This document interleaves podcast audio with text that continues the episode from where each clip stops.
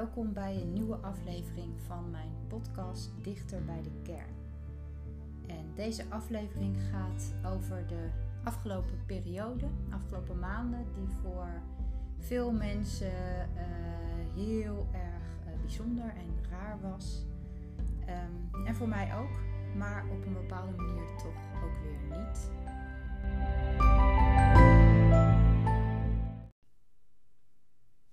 Buitenbeentje. Sinds een paar maanden staat Nederland op zijn kop door het nieuwe normaal. Handen wassen, drukte vermijden en afstand houden. Toch merkte ik al snel dat het nieuwe normaal voor mij helemaal niet zo nieuw is. Oké, wat langer en uitgebreider handen wassen, dat was nieuw. Maar vermijd drukte, het nieuwe mantra van Mark Rutte, was dat niet heimelijk altijd al mijn levensmotto? Al mijn hele volwassen leven vermijd ik drukke plekken. Concerten, bioscoopzalen, festivals. Je zult mij er niet snel tegenkomen. Sinds ik een paar jaar geleden ontdekte dat je in de schouwburg op het balkon hele ruime plaatsen hebt, koop ik nooit meer een kaartje voor de stalles. Op vakantie ga ik stevast in het uiterste voor- en naseizoen. Naar de Efteling uitsluitend op een regenachtige dinsdag in oktober. Ik reis zoveel mogelijk buiten de spits in het OV, bij voorkeur op een zitplaats met niemand naast me.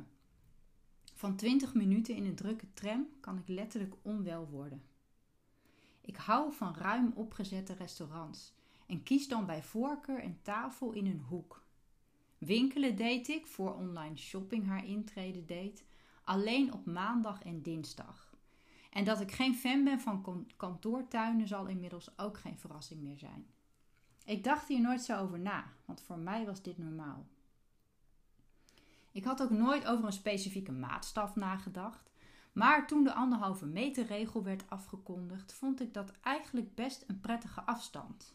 Niet altijd, overal en bij iedereen natuurlijk, maar over het algemeen toch wel. Dus het nieuwe normaal voelde voor mij eigenlijk al best vertrouwd. En opeens deed iedereen het.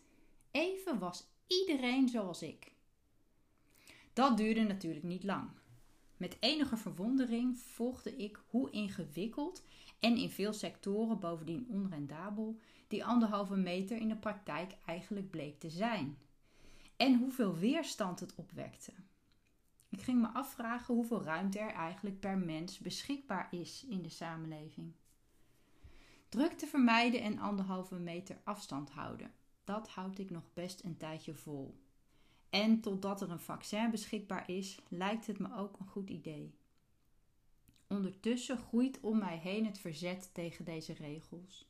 En terwijl in delen van de wereld de besmettingen nog steeds toenemen, zijn er steeds meer mensen die alle maatregelen alweer geheel overboord zouden willen gooien. En zo voel ik me toch weer een buitenbeentje.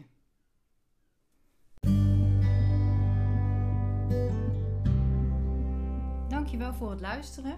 Ik hoor graag wat je van deze aflevering vond en wat je nog meer zou willen horen.